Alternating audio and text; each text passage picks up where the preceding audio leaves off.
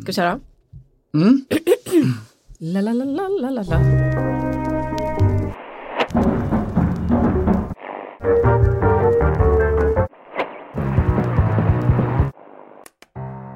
Kategorier som fejknyheter och bluffmail ställer nya frågor om fiktionens gränser. Läsare som gång på gång låtit sig luras, desinformeras eller bortgöras lägger sig så småningom till med olika specifika neuroser. Reaktionen på en sån litterär utmattning kan mycket väl leda till en enorm succé för facklitteraturen som mitt i informationskaoset ropar ut sitt budskap över våra huvuden. Jag berättar sanningen för er, inget annat. Min berättelse grundar sig på fakta. Fiktionen har mist läsarnas förtroende, vilket i sin tur har gjort lögnen till ett farligt massförstörelsevapen.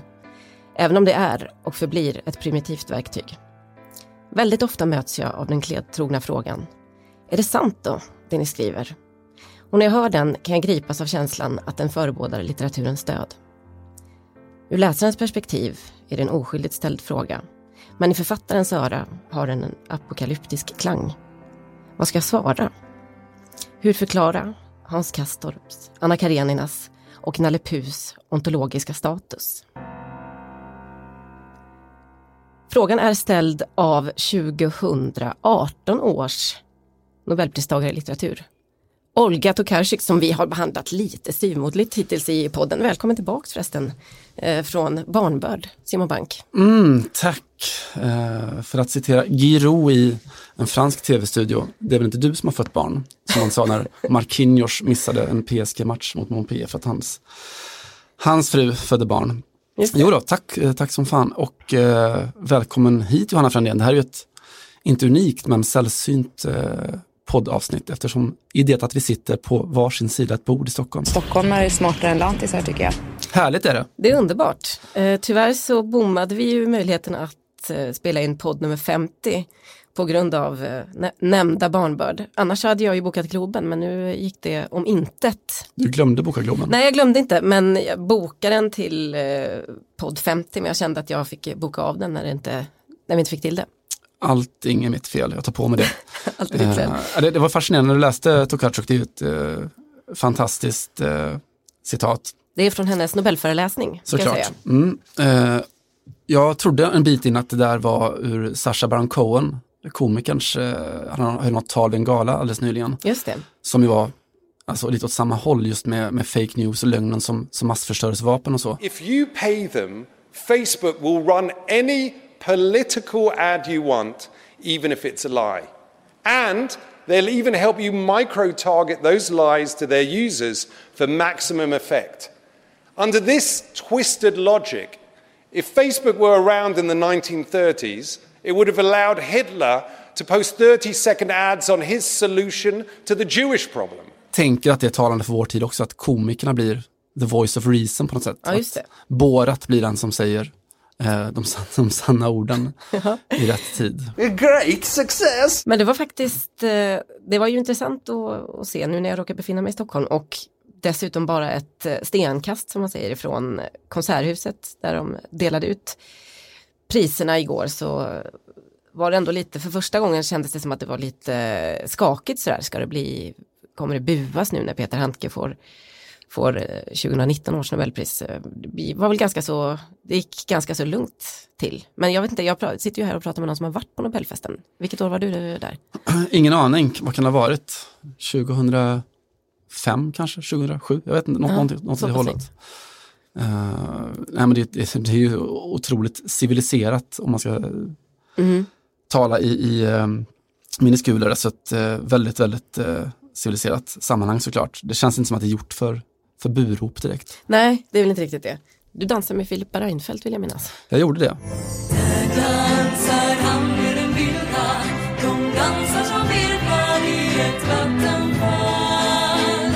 Lite tydligast minne av det var ju att det var ju som att dansa med ett hologram lite grann. Att hon var, man kände sin egen kropp genom hennes kropp. Hon var så älvlik, om man får säga så. Hon, okay.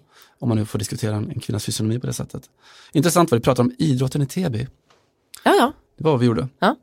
Eh, det var toppen. Jag tror att jag förde, jag är inte helt säker på det. Men du hade ju inte henne vid bordet fyra timmar för då hade ni kanske behövt en lite längre så ämnes arsenal. Du ska inte underskatta idrottslivet i Täby. Nej, det var, det var det. trevligt. Jag minns mitt starkaste minne från, från själva middagen var väl egentligen att jag fick, det är enda gången i mitt liv som det har hänt att jag får en, en rätt serverad i knät av, av servitören, servitrisen. Ja, du fick det. Det fick jag. Det diskuterade de ju mycket igår på tv-sändningen om hur ofta sånt händer och eh, de hävdade att det är väldigt sällsynt men att det har hänt. Men det har hänt dig alltså? Ja, så jävla sällsynt, det har hänt en gång av en i mitt fall. Det är Ja. närmare 100 procent. Ja, är så otroligt ofta faktiskt. Eh, och det som var grejen där var att de hann inte ens servera mig ny rätt utan det blev, man fick tugga i sig det, eller inte tugga i sig det helt enkelt. Det var speciellt. Mm. Men dansar du med Reinfeldt och med liksom stor eh, potatis och så bearnaisesåsfläck på brallan? Alltså det fungerar så i den sortens sammanhang att man, man eh, äter ju med servetten i knät. Va? Aha, Mm. aha, Så funkar det i den stora världen utanför Lerdala. mm, vad härligt. Mm. Nej, det var trevligt eh, och jag tyckte det var, en, var en, ett fint kalas igår kväll också. Ja, men det var det väl. Jag kan eh, ha en pytteliten fotbollskoppling då. Den är ju verkligen otroligt liten men eh, det är en anekdot i alla fall för jag stod och tittade lite utanför konserthuset och tänkte blir det protester mot eh, Peter Handke, de hölls ju på annat håll, där de hölls vid eh, Norrmalmstorg. Men det var lite andra sådär små protester mot, eh, vad sa vi, Irans ambassadör, att han var inbjuden var det till exempel några som eh, ropat lite på. Eh, men där jag stod så kom ministrar eller, och partiledare ut och, och deras bilar stod precis där jag stod och väntade. Och så kom Ebba Busch Thor och Niklas Busch Thor. Då protesterades det. Nej, det gjorde verkligen inte det, men det stod några kvinnor framför mig som kände som att de kanske var på kurs i Stockholm och var 50 sådär. Och ropade till Ebba, vad vacker klänning du har Ebba. Tack, tack sa Ebba. Ska se om jag kommer in här i bilen. Och så, ja, lite så skön, fnissig, bjussig stämning. Och så hoppade hon in och så stängde han då, Busch Thor, eh, ja, Niklas. Kopplingen är ju att han spelar fotboll i I Sirius. Sirius, Ja exakt. stängde dörren och så sa de så här, och så glömde vi säga att hon är så vacker också. Eh, Lite som att han skulle vidareförmedla det till henne och då sa han så här, äh. Och så lite så på det där sk- Sverige-skämtsamma sättet, lite så här, nu ska vi inte ta i. eh, och det, så kan man ju säga om det är jätteuppenbart att hon är eh, vacker, vilket hon verkligen var igår. Och att man också är gift, men de ska ju skiljas. Jag tyckte det var, förlåt att jag Det var skrattar. taskigt gjort av Niklas. Jag, jag tyckte det var jätte, det var nästan lite så, ehm, lite Ruben Östlund-stämning över det hela. Du kan ju bara säga så om vi har ett kontrakt här som säger Mm. att vi tycker att hon är vacker och du är världens lyckligaste kille liksom. Han har fått han ville nyansera bilden något. Så jävla vacker är hon inte. Nej, precis. Har Håll inte, sett snyggare. håll inte på och Senast igår håll kväll. inte på att ifrågasätta vårt beslut nu. ja, det var, det var en otroligt eh, konstig stämning över hela. Men eh, ja, ja, det var, det var ändå eh, festligt får man väl säga. Ja, du fick i alla fall vara med lite grann kan man säga. Ja, exakt. Jag stod och tryckte i mössan långt ner och glasögon och bara så hade en halsduk över halva ansiktet så att jag tror inte att någon såg mig. Nej, det var fint. Själv så på förmiddagen här så var jag ute och, och flanerade i mina kvarter och eh, mötte på gatan eh, Horace Engdahl. Det gjorde du ja. Det var också sådär. Eh, Det har du gjort tidigare någon gång eller? Ja, han hänger runt rätt, rätt mycket där tror jag. Eh, jag tror att han har eh, Stig Larssons efterfester. Nej, han bor ju på Lilla Essingen. Alla vet ju var han bor kommer jag på. Rosa drömmar. Den grejen. Ja. Eh, Nej, han kanske bor där själv då, i Vasastan. Horace. Fullt möjligt. Jag vet att hans, hans son bor, eh, en av hans söner bor granne med mig i alla fall. Vet. Ja, okej. Se där. Eh, men det var ju sådär, alltså, någon sorts hål i, i allt det vackra. Han gick runt och så helt, eh, alltså, extremt alldaglig ut i en väldigt alldaglig, på en alldaglig svensk gata i en alldagligt svensk decemberdag. Mm. Och det kändes som att, borde inte du vara och förbereda dig på något sätt? Men han kan väl det där antar jag. Eller inte. Det råder väl delade meningar om om han kan det där med Nobel eller inte. Men Vänta, var det igår före festen? precis. Oj, det var konstigt. Men han, då måste han ju ha sin stylist då, eller vad vi, vem han nu går till. Barberare eller något. I, Ja men han sitter ju i fängelse. ja, den är tung nu när du säger det. Ja det är fint. Eh, tänkte förresten på, alltså ursäkta det är ett extremt sidospår men vi ska ändå så här minifotbollskoppla lite så eh, du tog upp Stig Larsson, jag, jag är mitt i färd med att läsa Ma- Matilda Gustafssons bok om, om Arnault-klubben. Okej, ja, där rök mitt kulturtips då. Ah, sorry, vi, vi får återkomma. Ja. Ska vi ta det sen kanske? Ska vi göra det? Ja, vi tar det på, eftersom du kastade över kulturtipset mig två minuter innan Just det. inspelning. Eh, ja, då återkommer jag med min, min lilla kulturspaning därifrån då. Vi kan ge ett gemensamt kulturtips då. den här Mycket gången. trevligt, låt oss. Eh, annat då? Vad har hänt sen senast? Annat, mällat? vad sa du? Du har, du har Nobellat, Nobelspanat. Ja, precis. Men nu har det gått Det har väl kanske hänt mer liksom, omvälvande saker i ditt liv. Eh, själv har jag gjort, har jag varit någon form av Arsenal-expert för norsk tv. Varit och gjort en sväng i, hos våra vänner på TV2. Mm. Eh, så fort någon med svensk koppling, eller ibland PSG-koppling kan det vara, kommer till Premier League så brukar de bjuda in mig och vill att jag ska dela med mig av mina erfarenheter. Så nu var jag där på Fredrik Ljungberg-kvoten då. Just det. Eh, det var inte helgens match utan det var i förra veckan, mitt, mitt i veckan matchen där mot Brighton när de förlorade. Så att, eh, Svensk tränarderbyt. ja, ja, precis, exakt det. eh, Med Graham Potter. Nej, det var inte så mycket att yvas över då. Det var ju i alla fall på något sätt skönt att kunna konstatera lite i så broderlig, eh, vad ska man säga, att, att vara i Norge i bygg, och liksom få en bra relation med Norge men bygger mycket på att man ger varandra komplimanger känner jag Mm, mm. För, varann, för det andra landet så att säga. Så då kunde jag ändå sitta där och säga ja, det här visar vi att vi inte, det här är ju verkligen ingen Ole Gunnar Solskär effekt och så vidare. Då skrockar de lite nöjt. Och alla kan inte ha den turen och så vidare. Och så Ehm, ja, nu har ju vinden vänt eventuellt då för Ljungan. Även om det var en ganska, en ganska miserabel uppvisning i, i söndags också. Slogs man lite av tanken där, alltså mot, mot West Ham, tanken på att, ja just det, han har faktiskt spelat i West Ham. Det känns Jo. som han nästan har glömt bort det där. Ja, precis. Men det var bara en säsong va? Det var en säsong, Ja. under de isländska ägarna. Där. Så det var egentligen ett Ljungberg-derby i sig då. Mm, just det. Ja. Eller Fredrico, förlåt. Ska vi prata pyttelite om Fredrik Ljungberg? För att nu fick jag ju verkligen tänka till ordentligt innan jag åkte dit och just för att göra det, berätta lite om hans status i Sverige och, och allt det där. Och det känns som att det, det kanske är den största stjärnan vi haft som vi har, jag ska inte säga att vi har misshandlat honom mest, men han har ju verkligen inte den motsvarande superstjärnestatusen i Sverige som till exempel, jag tänker på Solskär som ändå är en sån Mm. jätte, och då var han ju mestadels inhoppare, eller det var ju så han gjorde sig känd i alla fall i Manchester United. Vi hade liksom en ordinarie superstjärna verkligen Mm. i Arsenal under nästan tio år. Under en väldigt definierande period också, så hela den metrosexualitetens genombrott och så. Han var ju, visst Beckham var såklart först, men Fredrik Ljungberg var inte jätte, jättelångt efter. Liksom. Nej, precis. Och jag, jag vill ändå påstå att många svenskar inte har någon riktig relation till Fredrik Ljungberg. Också att han kom lite i, eller jag ska inte säga att han kom i glappet, men det var någonstans som att eh, Henrik Larsson var väldigt folklig och folkkär samtidigt. Och sen så kom ju Zlatan under, ja, det egentligen hade det bara gått några år på, på liksom Ljungbergs triumfärd i Arsenal innan Zlatan började äta upp allt syre. Så han är lite märkligt, om inte bortglömd så i alla fall lite ignorerad kanske i, i svensk fotbollshistoria. Lite oförtjänt kan jag känna. Ja, lite att det kanske inte finns så tydliga defini- definierande faktorer kring honom. Nej, han står inte för någonting. Han står inte för någonting, Nej. vilket han ju ändå såklart oerhört mycket gör. Eh, men han har inte, han har inte liksom i någon sorts offentlig diskurs hamnat i att det här är Fredrik Ljungberg. Jag tror att i England har man mycket tydligare bild av just att han var då sex i Arsenal Just det. epoken liksom. Mm. Eh, och coolt. Nej, jag tänkte tillbaka när jag, alltså senast i, igår var det, när när Marie Fredriksson, bud, hennes dödsbud kom och så.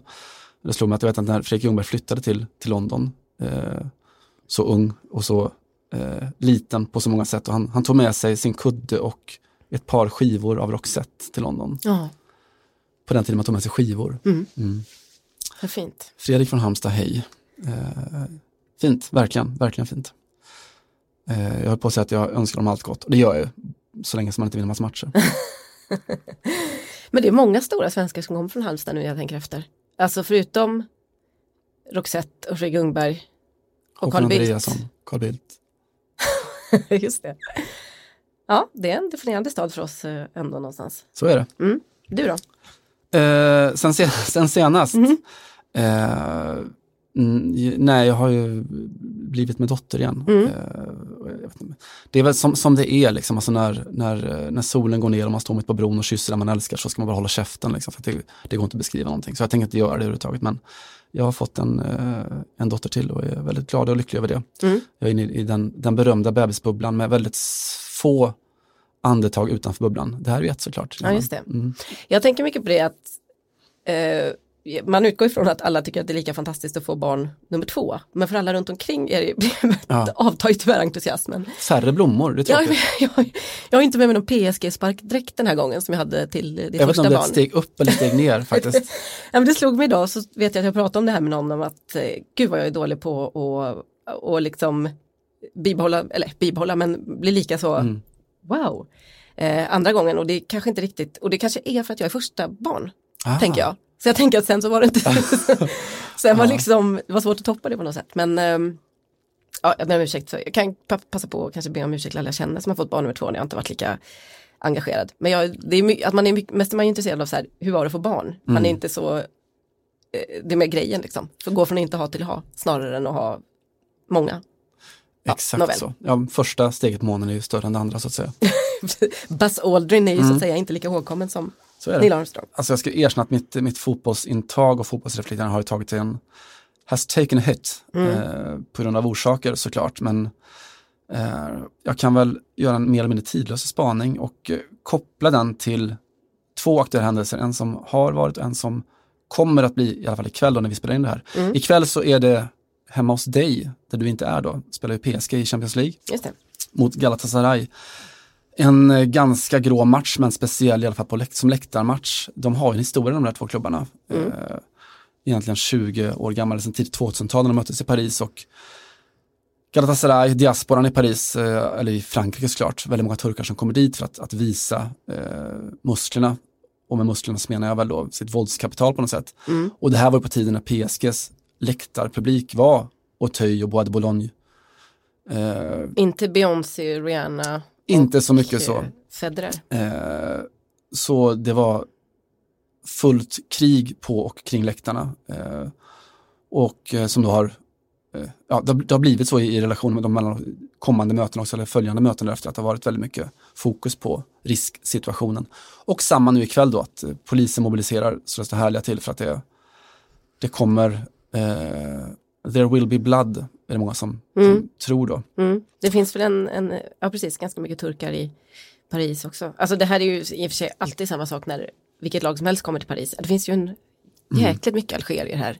Och portugiser. Och så finns det ju alla, inte vet jag, något latinoland och så. Men eh, Och det finns väldigt mycket turkar överallt. ja, men så är det väl snarare. Det känns som att den dagen som, som människan sätter foten på Mars så kommer det vara 300 000 turkar som redan är där. Det Mm. känns som att, för de, finns- de, de är som, som AIK, de finns överallt. Just det. Eh, det är ena händelsen, den, eh, vi ska inte göra förhands inför, eh, inför kriminalitet, men det, det finns en, en klar riskstämpel på matchen. Mm. För någon vecka sedan så signalerade den svenska polisen, apropå läktarpolitiken, att eh, man tänker fortsätta med sin villkorstrappa för att få ordning på de svenska läktarna. Då. Mm. Eh, de tycker att det har varit en framgång för NIS. Vill du berätta lite, bara dra upp lite grunddrag i trappan? Eh, alltså grunden är väl att det, man pratar väldigt mycket om, om symbolfrågan har blivit eh, pyrotekniken på läktarna och att man då tar steg för steg alltså i former av kollektiv bestraffning och repression för att, att råda bot på eh, det man upplever som ett, ett stort problem.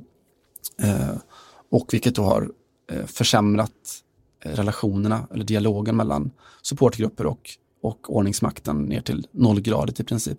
Vi pratade om det lite förut.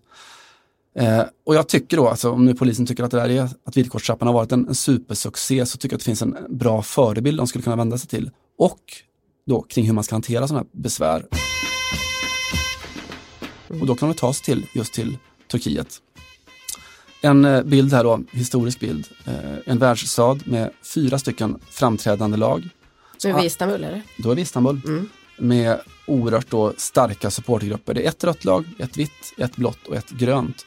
De står liksom för olika saker, det är olika sociala hemvister, eh, olika religioner, helt olika supportergrupper. Och alla de som är makthavare har också då väldigt tydliga eh, relationer till, till, de håller också på lag helt enkelt. Mm. Eh, och det är ett sätt att visa då liksom vem, vem man är. Som, Är Bas Başakşehir ditt fjärde lag här nu, eller? Eh, du får eh, hänga med helt enkelt. Ja, så okej. kommer det ge sig. Mm. Eh, och arenan då eh, är också en väldigt speciell miljö, någon sorts folklig smältdegel där man, man kan uttrycka sig fritt och vara fri. Eh, känns igen va? I Mm. någon sorts fotbollssociologisk sammanhang. Just det. Problemet då att allting går överstyr då, som det ibland gör, att de gröna och de blå eh, går ihop och protesterar mot makten. Eh, börjar elda på läktarna, pyro, pyro, pyro. Mm. Polisen går in, eh, försöker stäv, stävja upploppen eh, som då också sprids ut på gatorna. Liksom. Det är ju typ här som man kan säga att den svenska polisen befinner sig då, vintern 2019. Och vad fan ska man göra? Jo, den här historien, Basak Shehir, eh, var inte uppfunnet än. Eh, men det är ju gamla fina Istanbul. Eh, och det är för typ 1500 år sedan. Eh, det handlar inte om fotboll då, utan det handlar om, om eh, ja, alltså inte ens Hakan Şükür var född liksom. Eh, utan det är så här häst och vagn, tänk Ben Hur-scenen, Mm. sån här hästkapplöpning. Mm. Eh, så var det tydligen, att det fanns olika lag med olika färger eh, som stod för väldigt olika saker och hade väldigt starka supportgrupper. Samma drivkrafter, liksom politik och, och folklighet, okontrollerbar masspsykologi eh, och då de här gröna och blå fansen som ställde till med ett jävla liv. Och den då som var den yttersta makthavaren, kejsare Justinianus, den första, eh, hade ingen aning om hur han skulle bära sig åt för att stävja det här. Villkorstrappan. Men han hade en villkorstrappa. Han hade en jävla villkorstrappa, det får man ge honom. Han höll då på det blå laget, eh, som var katolikerna i grunden. Okej, Eh, vi, nu är vi i romarriket här alltså. Kon- Konstantinopel eller? Det är precis för det, Konstantinopel. Eh, hans drag då var ju inte liksom att eh, ha kroppsvisitering och sånt. Det som han gjorde var att han samlade alla sina motståndare inne på hippodromen och på, på arenan. Eh, och sen så gav han sin armé order om att slå ihjäl dem, alla 30 000. Jaha, Så jobbade de för 1500 år sedan. Ja. Det var en villkorstrappa. Jag säger inte att man borde göra samma sak i Sverige, polisen, men, men jag säger bara att det finns vissa slutsatser att dra. Ja. Ja. faktiskt. Om man nu ska. det är lite mer effektiva eh, bekämpandet av läktarvåld tänker du? Eller läktarkultur? Ja, det gav, det, det, det gav i alla fall resultat kan man säga. Ja. Eh, Hagia Sofia vet jag som väl då var moské, blev då en, eh, han fick eh, i, i, leden av det här Nika-upproret som slogs ner så, så byggde han väl Hagia Sofia som den, som den ser ut idag mer eller mindre. Detta fantastiska byggnadsverk. ja, just det, som har varit både eh, Moské och kyrka. och... Mm. Mm. Just det, Som vi alla. som vi alla har varit. Ja, eller? Moské och kyrka. Kristen och muslim. Ja, jag var Det är där i alla fall. Det är en, ja, det är en eh, speciell byggnad. Ja, så du kan tänka att det har, det har med supportervåld att göra. Utan det hade den inte funnits. Hmm. Vilka lag, vilket lag, vilken färg Vilket gick lag segrande ur? Ja, exakt. Vilket lag skulle man säga gick segrande ur hela den här tidsepoken då? Eh, jag vill väl säga att det kanske var de blå då, Ja. eh, katolikerna. Så, eh, inte på sikt såklart. Nej, det, det var det jag menar, inte på sikt. Vilka var muslimerna på den här tiden då? Eller ottomanerna eller vad ska man säga? Nej, oklart, jag är svag på färg, färgskalan där. De röda kanske? Man hoppas ju lite. Mm. Mm.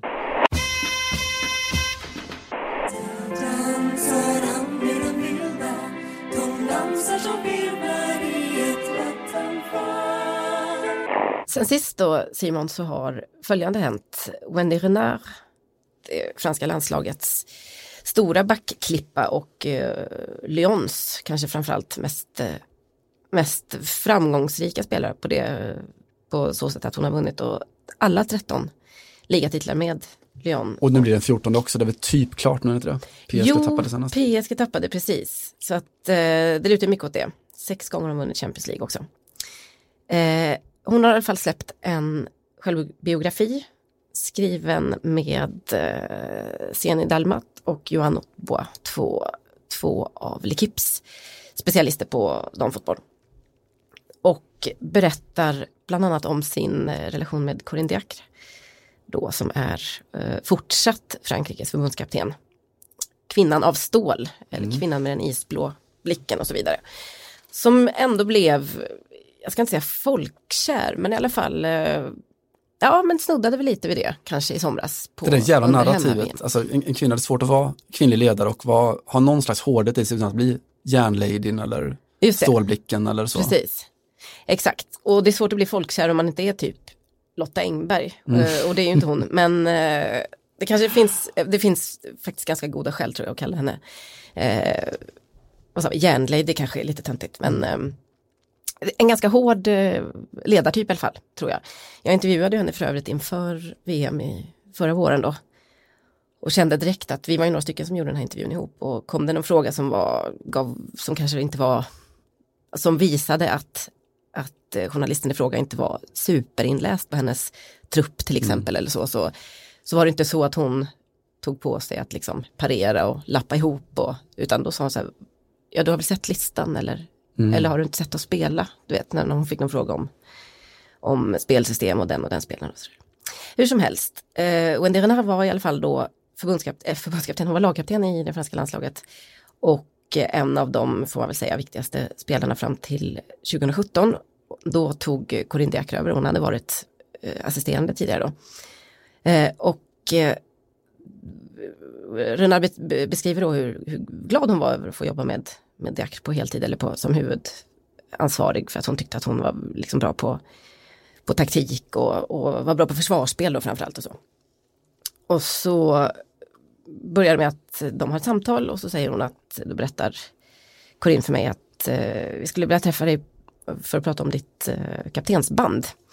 Eh, för egen del så tycker jag att du är ungefär 40 procent av din kapacitet när du spelar med Frankrike. I Lyon så kan du mest ja, promenera runt. Eh, nivån är ganska enkel eh, för er. Och på samma sätt är det när ni spelar i Champions League. Eftersom ni är så överlägsna. Men eh, när det kommer till landslagsspel så tycker jag att du inte riktigt har nått upp till den nivån som man kan kräva. Och så drar hon då av henne. Kanske inte fysiskt men mm. nästintill, bildligt i alla fall. Kaptensbandet och kaptensbindeln. Och eh, Renard blir så knäckt över det här så att hon, hon säger att hon, hon under hela hösten så får hon massa småskador och liksom, hon kan inte riktigt eh, hantera situationen. Alltså psykosomatiska skador? Hon skriver det, jag fick mm. ett helt gäng skador som hade med mitt eh, dåliga mående att göra. Eh, jag funderar på att sluta landslaget men inser att det kanske inte riktigt är rätt eh, val heller och då vet de ju att det är dessutom ett, eller ett eh, världsmästerskap på, på hemmaplan om två år och så. Så slutar med att hon över jul, tror jag, julledigheten så åker hon ensam till Thailand och bara lägger sig på en strand och, och funderar liksom vad ska jag göra. För som Oelle Bäck typ? Exakt, mm. som, exakt som alla stora mm. fransmän gör när de, när de behöver isolera sig och, och tänka på existensen. Um, hon ja, känner att det känns inget bra längre och livet är inget roligt. Det är inget roligt att spela i landslaget. Men hur som helst så bestämmer hon sig för att fortsätta och uh, när hon då kommer tillbaks 2018 till den första samlingen så uh, säger hon att då var jag jätteladdad och liksom sugen på att spela igen.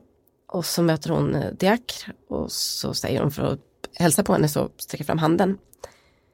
Och jag ser direkt att någonting ändras i hennes ansikte och så säger hon eh, du måste eh, skärpa dig direkt om du, inte, om du inte vill hamna utanför laget.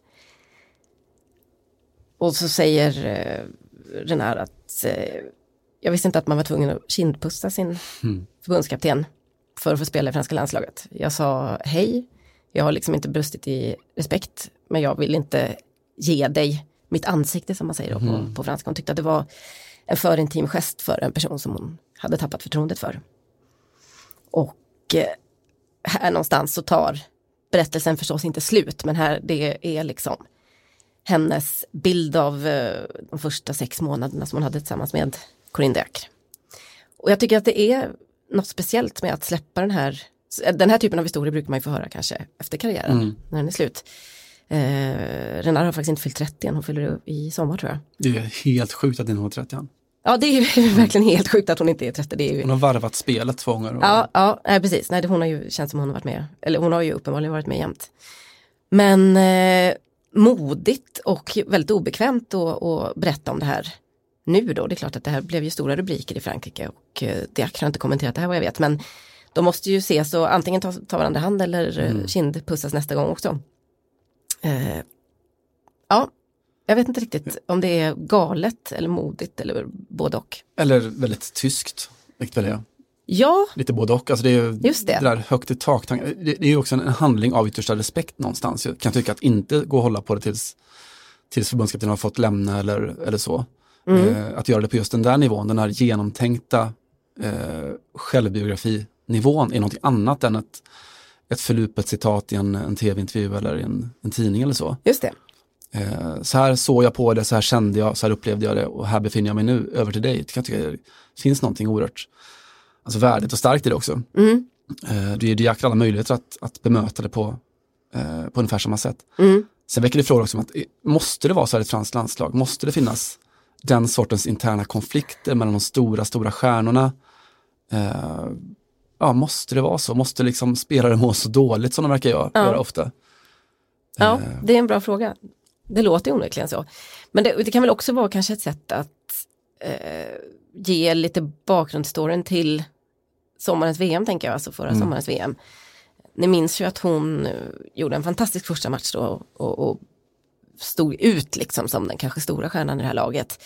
Eh, också i ett land där inte så jättemånga kände till sitt damlandslag och spelarna mer än kanske några till namnet sådär. Eh, och sen så hade hon ett väldigt sånt upp och ner mästerskap. Hon bommade en straff, Självmål hon också. gjorde ett självmål. Eh, hon satte väl andra straffen, ja det var ju fram och tillbaka i alla fall. Eh, och väldigt, eh, man förstod ju någonstans att det, det, syntes nästan att hon inte var helt stabil, kanske inte mådde helt, helt och hållet bra. Men det är ju lite, man skulle kunna tänka sig kanske som lagkamrat då, att man tycker att det här är pyttelite onödigt. Mm. Ehm, eftersom det kanske får effekter längre fram. Men så är det i alla fall och Eh, den här boken på 300 sidor har jag inte hunnit, jag har bara hunnit läsa några brottstycken av den men eh, den lovar ganska gott. Hon har ju ett väldigt intressant liv och en kul, kul men en intressant historia i alla fall. Eh, hon lämnade ju Martinique, den västindiska ön som väldigt ung, bara tonåring för att ta sig till Frankrike lite på vinst och förlust och, och försökte komma in på Claire Fontaine, gjorde väl några tester där för, alltså på den, den franska vad ska man säga, förbundsakademin. Hamnade i Lyon och för hon fick en provspelning där och var väl i princip mentalt på väg tillbaks till, till Martinique när eh, Lyon bestämde sig för att satsa. Och det var väl ett smart val. Mm. Eh, nej, men jag tycker bara att det gör henne ännu mer intressant. Och jag, jag misstänker att det på något sätt, alltså att det, det, blir en politisk markering på fler sätt än ett också. Att jag har svårt att tänka mig att hon gör det här utan att det på något sätt är sanktionerat i Lyonlägret också. Som ju är såklart eh, basen och grunden i det, det franska landslaget också. Och motpolen kanske lite, alltså maktmotpolen kanske till det franska landslaget. Eh, det finns ju egentligen bara två riktigt jättestarka institutioner på damsidan och det är ju Lyon och landslaget någonstans i Frankrike. På tal om politisk eh, markering eller politisk konflikt och det franska damlandslaget så kan vi väl prata om den eh, nuvarande kaptenen Amandine Henry som ska göra vad då i vår? Hon ska vara ordförande i den franska Miss France-juryn. Ja, avdelningen nyheter man tar emot med lite blandade känslor. Eh, men jag tyckte det var lite, lite skönt att någon klev ut som någon form av så här anti Megan Rapinoe ja. person här och bara så här, ja men jag har slitit hela mitt liv i liksom en sport där jag varit diskriminerad och man pratar om manhaftiga spelare och, och nu skulle jag vilja sitta och, och vara högsta ansvarig för att vi väljer ut den vackraste fransyskan. I den här tävlingen, vi har varit inne på det faktiskt tidigare i podden, nu börjar vi varva ämnen här. Att det är otroligt, en otroligt stor tävling i Frankrike som alla tittar på. Man känner sig väldigt eh, så lite utanför och, och när man försöker ifrågasätta det här fenomenet. Det, det är väl vår, eller det är väl deras melodifestival. Kan man tänka sig att, att om vårt stora liksom folkliga, eh, pri, eller folkliga kanske är väl en sann modifikation, men vårt stora sånt ögonblick på året, är Nobelfesten liksom, och Nobelpriset och allt det där.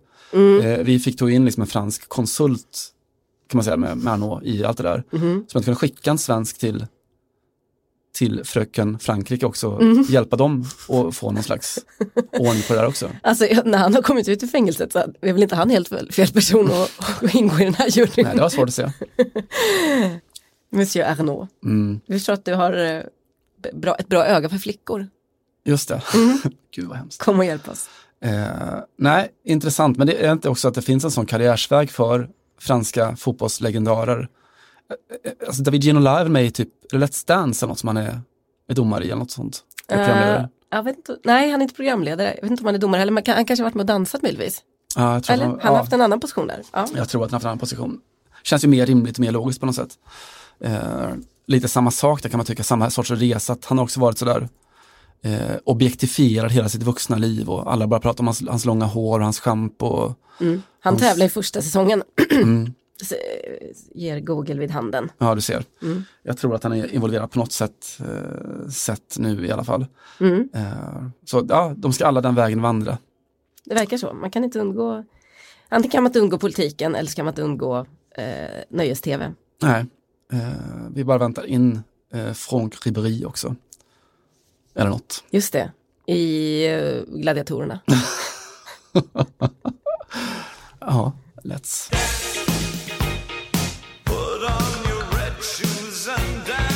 Fredrik från Halmstad, hej, hej. Hey, I'm Ryan Reynolds. Recently, I asked Mint Mobile's legal team if big wireless companies are allowed to raise prices due to inflation. They said yes. And then when I asked if raising prices technically violates those onerous two year contracts, they said, What the f are you talking about, you insane Hollywood ass?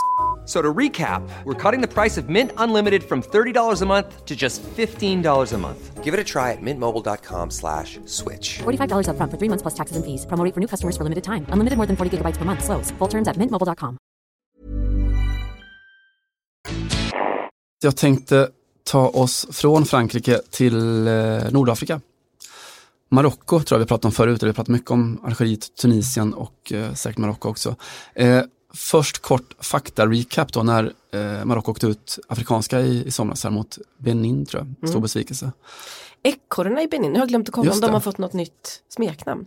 Det måste vi göra innan programmet Nej, jag, jag, ska säga, jag ska helt ärligt säga att jag kollar det ibland. Mm. Men jag har inte, jag, söker man på ekorre Benin så får man bara upp den här, eh, de Beninska ekorren, nej men man får ju bara upp den, eller liksom den, eh, tävlingen. ja, exakt, kom på ge oss ett bättre smeknamn. Kanske har ingen lyckats riktigt. Det vore det optimala beviset på bristande eh, logistik och infrastruktur om de inte ens har lyckats jobba fram ett, ett nytt smeknamn på, på ekorrarna. Det kan man tycka, men de har slagit ut Marocko i alla fall. Ja, de har slagit ut Marocko. De gjorde det då, när Marocko i den matchen, eh, fiaskomatchen, så när man gör en snabb scan av de 14 som de använde i den matchen, så kan vi snabbdra då var de här spelarna är födda, eh, snedstreck då i vissa fall uppväxta, vilka länder de är uppväxta. Hur många Paris-förort har vi? Eh, många. De var från Kanada, Belgien, Spanien, Frankrike, Frankrike, Holland, Holland, Holland, Holland, Frankrike, Spanien, Frankrike, Holland, Holland och Frankrike. Så ser det ut då. Det är ett eh, bekant fenomen med framförallt kanske de här nordafrikanska länderna, att det är väldigt mycket, väldigt mycket franskt som sagt. Då. Just det, Eh, men Holland är ju, eller eh, Marocko är ju speciellt just för att det är så mycket mer blandat där ja. Det har du helt rätt i. Ja, Algeriet då kan det ju bara vara fransoser i princip. Precis, precis. Och i, i, bevisligen och i, i Marocko en stor, stor holländsk kontingent också. Eh, det har ju kommit dit att det handlat väldigt mycket för de här länderna att då få eh, de som har utvandrat eller invandrar, kidsen då, att välja sina, sina föräldrars land, att representera Marocko som landslag. De jobbar väldigt hårt med det. Eh, nu i höst så har det varit ett specialfall som har förtydligat det här kanske nästan mer än någonsin. Eh, Mohammed Ihatteren, eh, född i Utrecht som spelar nu i PSV då, gjort succé där. Han har spelat för alla holländska u-landslag på vägen upp, eh, debuterade för PSV nu i, i vintras någon gång då, eller alltså för snart ett år sedan, eh, som 16-åring, 17 bast nu. Eh, och han har själv sagt att han, han behöver tid på sig för att kunna fatta det här stora beslutet om vilket landslag han ska, ska representera. Det har ju funnits en tendens de senaste åren då att väldigt många har valt sina föräldrars länder. Eh, att invandrargrabbarna gör det. Sen det gick, för det var väl för en tio år sedan så kunde man ju inte, fortfarande inte det, om du hade spelat i ett u-landslag så var du tvungen att, då, Precis. då sågs det som att man bröt liksom med hela, Nu ändras det till en, en A-kamp så, så, så har du valt då. Så det var ett väldigt tungt beslut att fatta. men är det en tävlingslandskamp eller nej det är fortfarande bara, En officiell landskamp tror jag det är. Eh, det som Janu, krävs. om du gör en trött match mot Oman i januari-turnén så är du rökt sen. Eh, jag tror att januariturnén, har vi inte haft något sånt fall? Jag vet känner inte. också på Ja, mig det. Att den kanske är typ undantagen.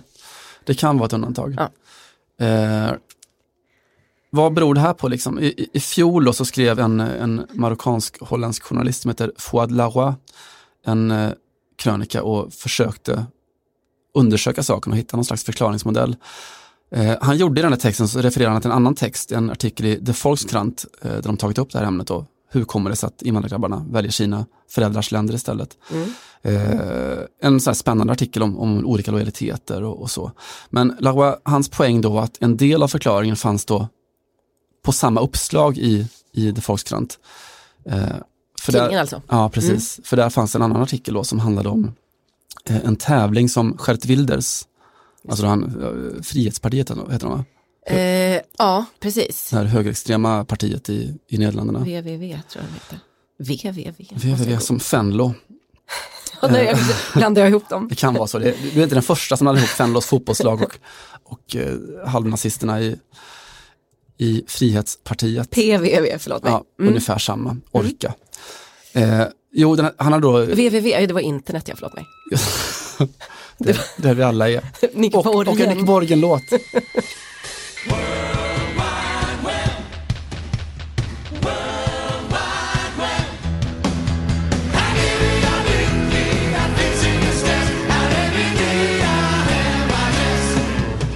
Gud vilka jävla referenser. Vi börjar, vi börjar alltid, men det är bra att vi alltid börjar på typ Nobelfesten och, Och hamnar, och hamnar hos Nick Borgen. Jag tycker ändå, vi ska inte skämmas över det. Det ska vi inte skämmas över. Det hade inte Marcus Leifby gjort så det gör inte vi heller. Exakt.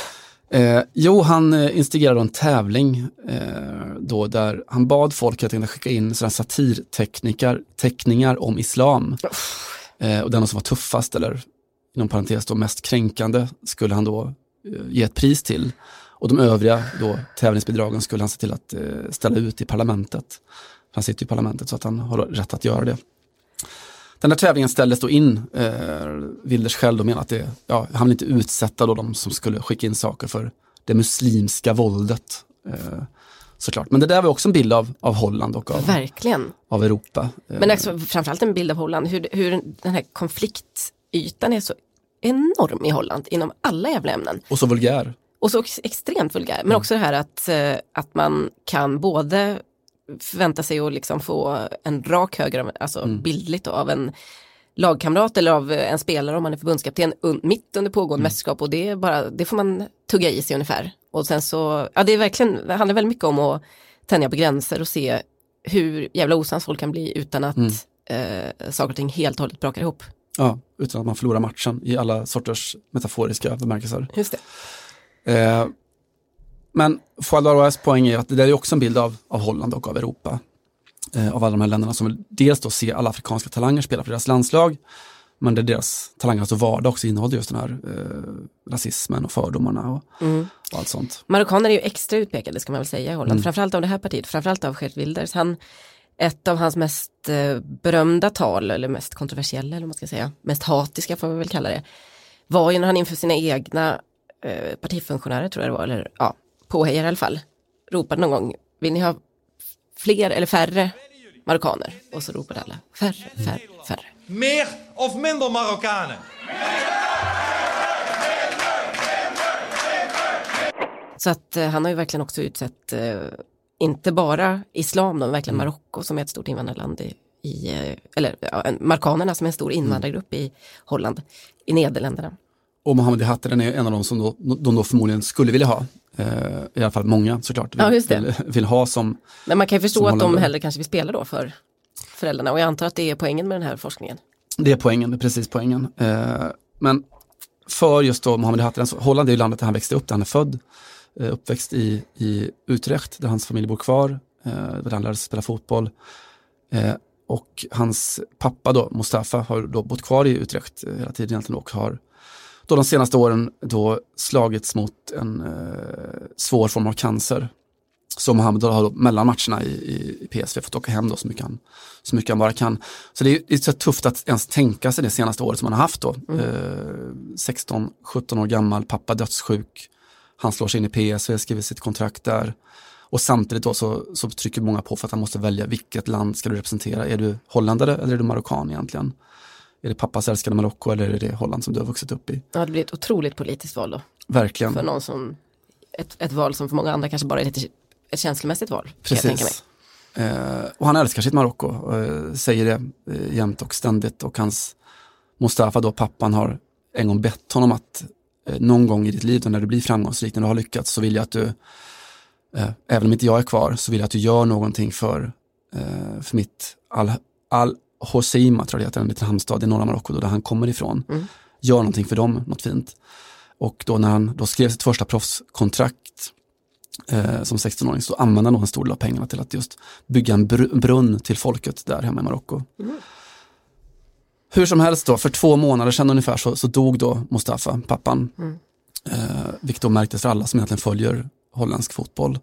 Eh, Utrecht spelade, alltså inte hans klubb utan hans då barndomsklubb. De spelade så applåderade fansen på läktarna. Eh, alla fansen då under en viss minut då för att hedra pappan. Eh, när PSV spelade sin då, nästa match när han inte var med av förklarliga skäl så, så höll lagkamraterna upp en banderoll där det stod att eh, Mo, som han kallas då, Mo, stay strong. Och när Steven Bergvin gjorde mål så sprang han rakt ut mot tv-kamerorna och, och skickade en hälsning då. For you Mo, vi älskar dig, var då lagkompisarnas eh, meddelande till honom. för fint. Eh, Ihattaren kom tillbaka eh, då efter dödsfallet då, och eh, spelar. Eh, nu I lördags senast så fick PSV straff.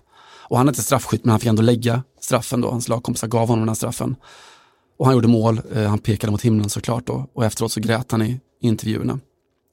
Men grundfrågan fortfarande då, vilket är egentligen hans land? Vilket land vill du representera?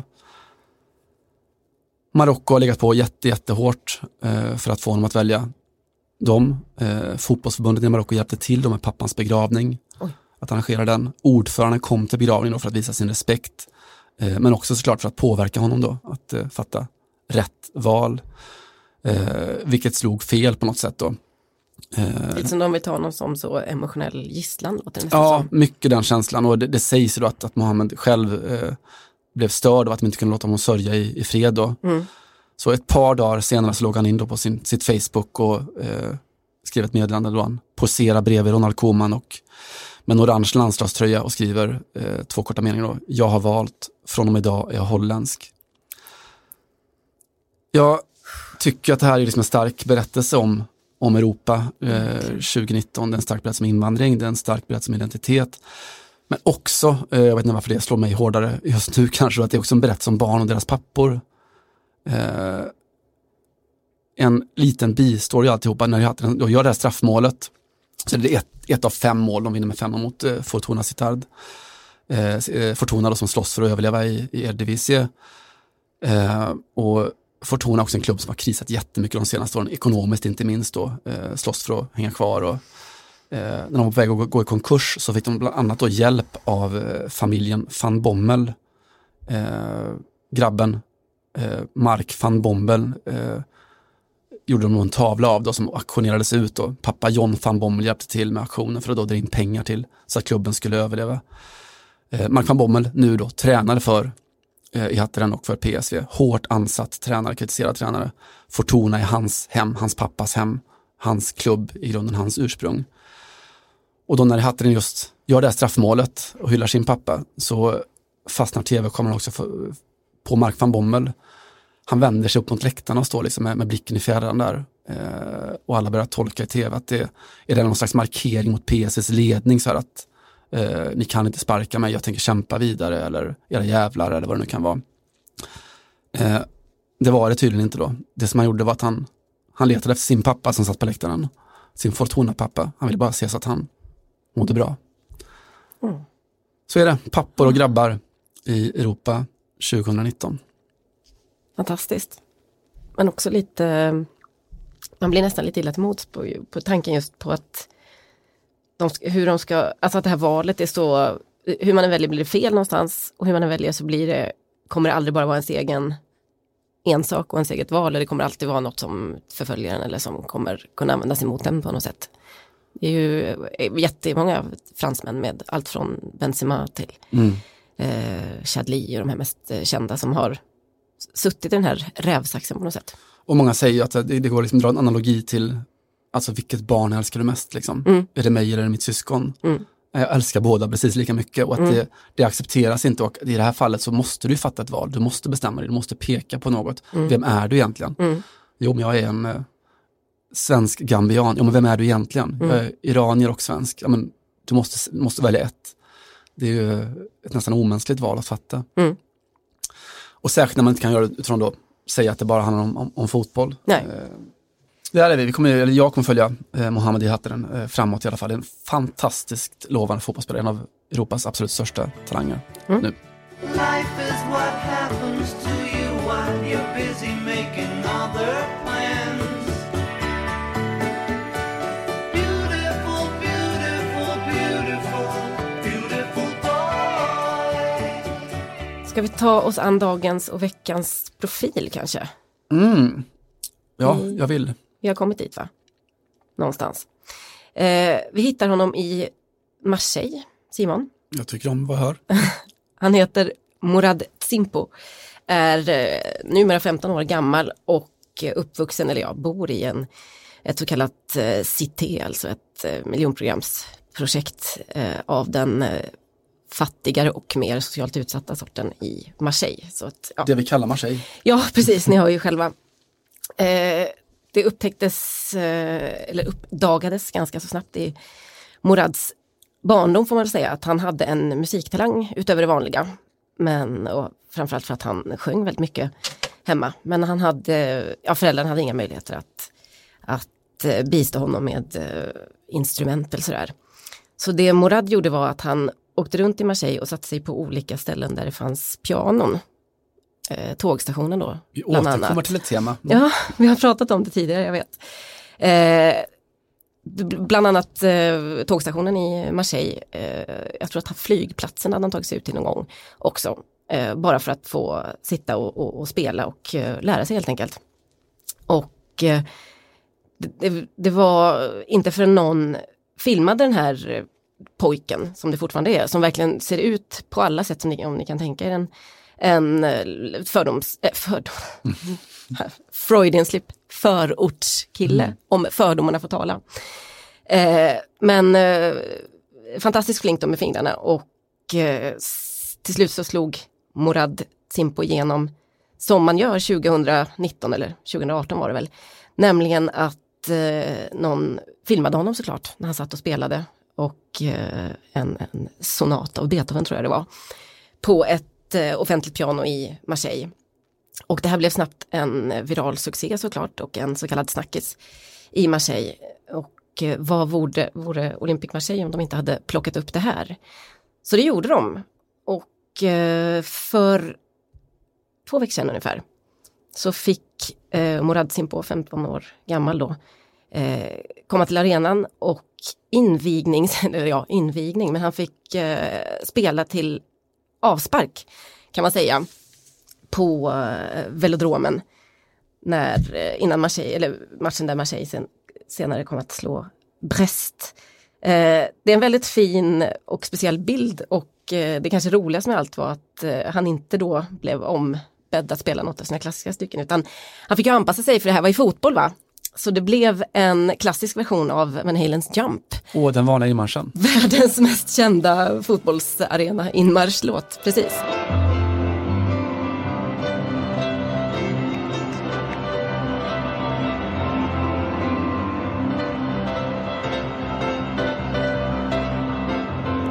Inte ett öga torrt, eller vad säger man? Nej, alltså, jag vet inte, jag är ho- hormonell, emotionell, men ja, man behöver den där små påminnelsen om vad, vad det man älskar med Marseille, men det är väl, det är väl just det där, de gör väldigt mycket eh, rätt för närvarande, eh, som de alltid gör när allting ser ut att gå åt helvete. Eh, Just det. de är en sån där en misshandlande pojkvän eller flickvän som man hela tiden återvänder till och tror på en, en ny gryning.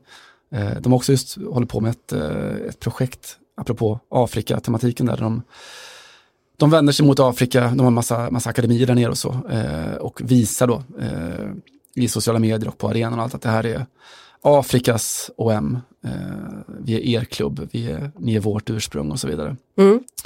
Det är ju inte alla stora klubbar som försöker annektera den afrikanska marknaden, så man ge dem det i alla fall och att det är lite originellt. Det är det faktiskt och eh, ja, det finns ju det finns ju sina skäl, sina historiska skäl till det. Nej, fint. Vi ska säga det att eh, Morad Simpo fick eh, ett piano till slut av en pianohandlare i Marseille som hade sett den här filmen då när den, när den spreds.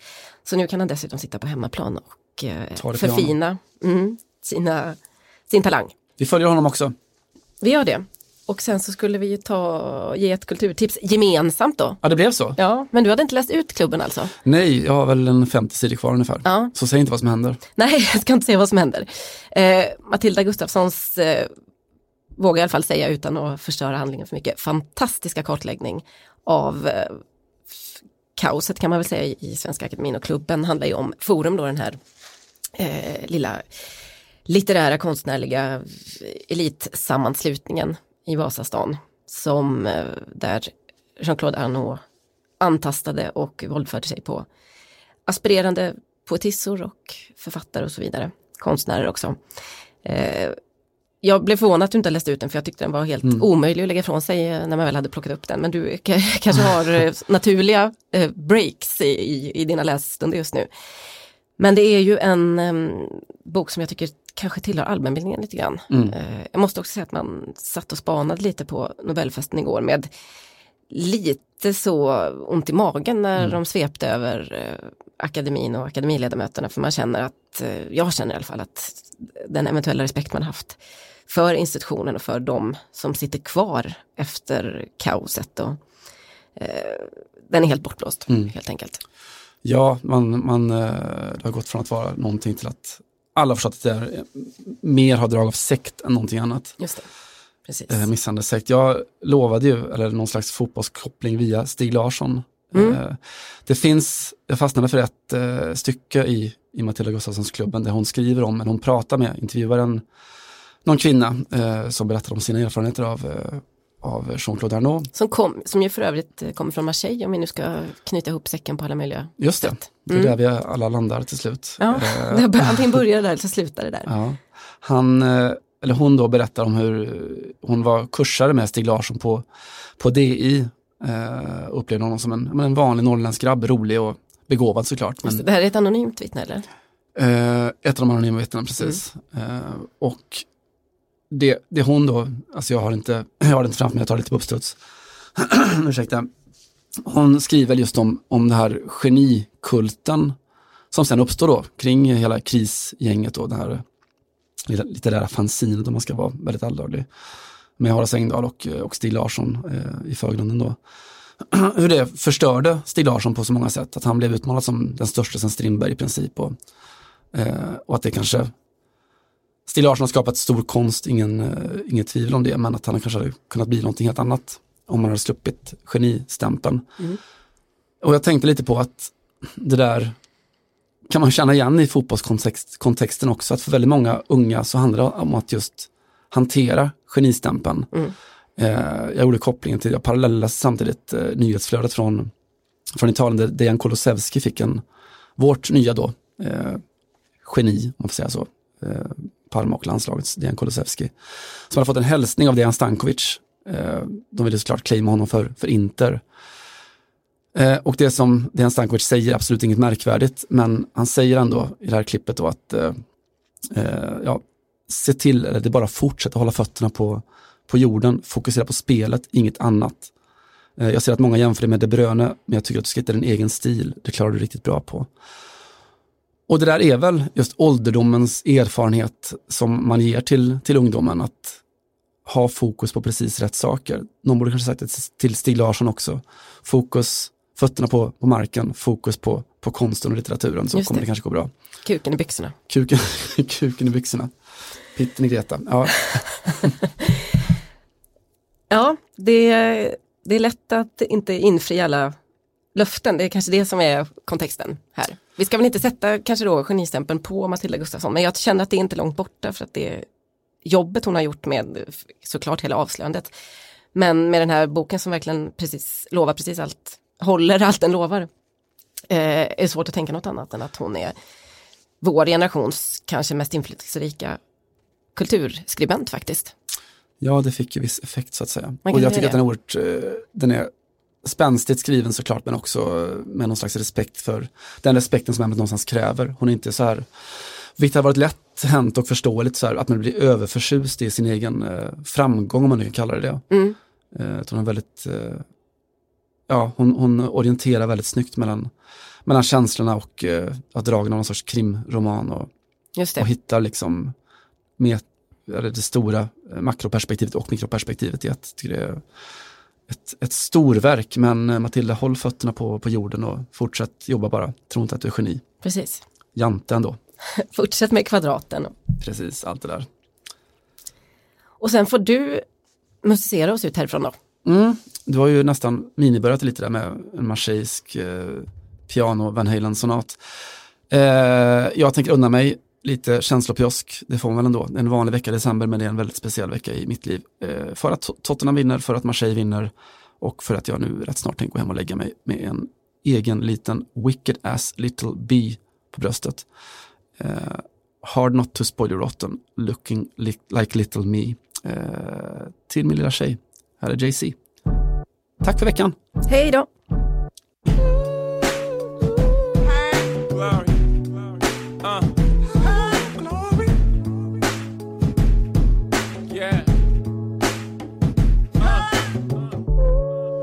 Most amazing feeling I feel Words can't describe what I'm feeling for real. Baby, I paint the sky uh. blue. My greatest creation was you. Your grandpa died of nigga failure. Then he died of liver failure. Deep down, he was a good man. God damn, I can't deliver failure.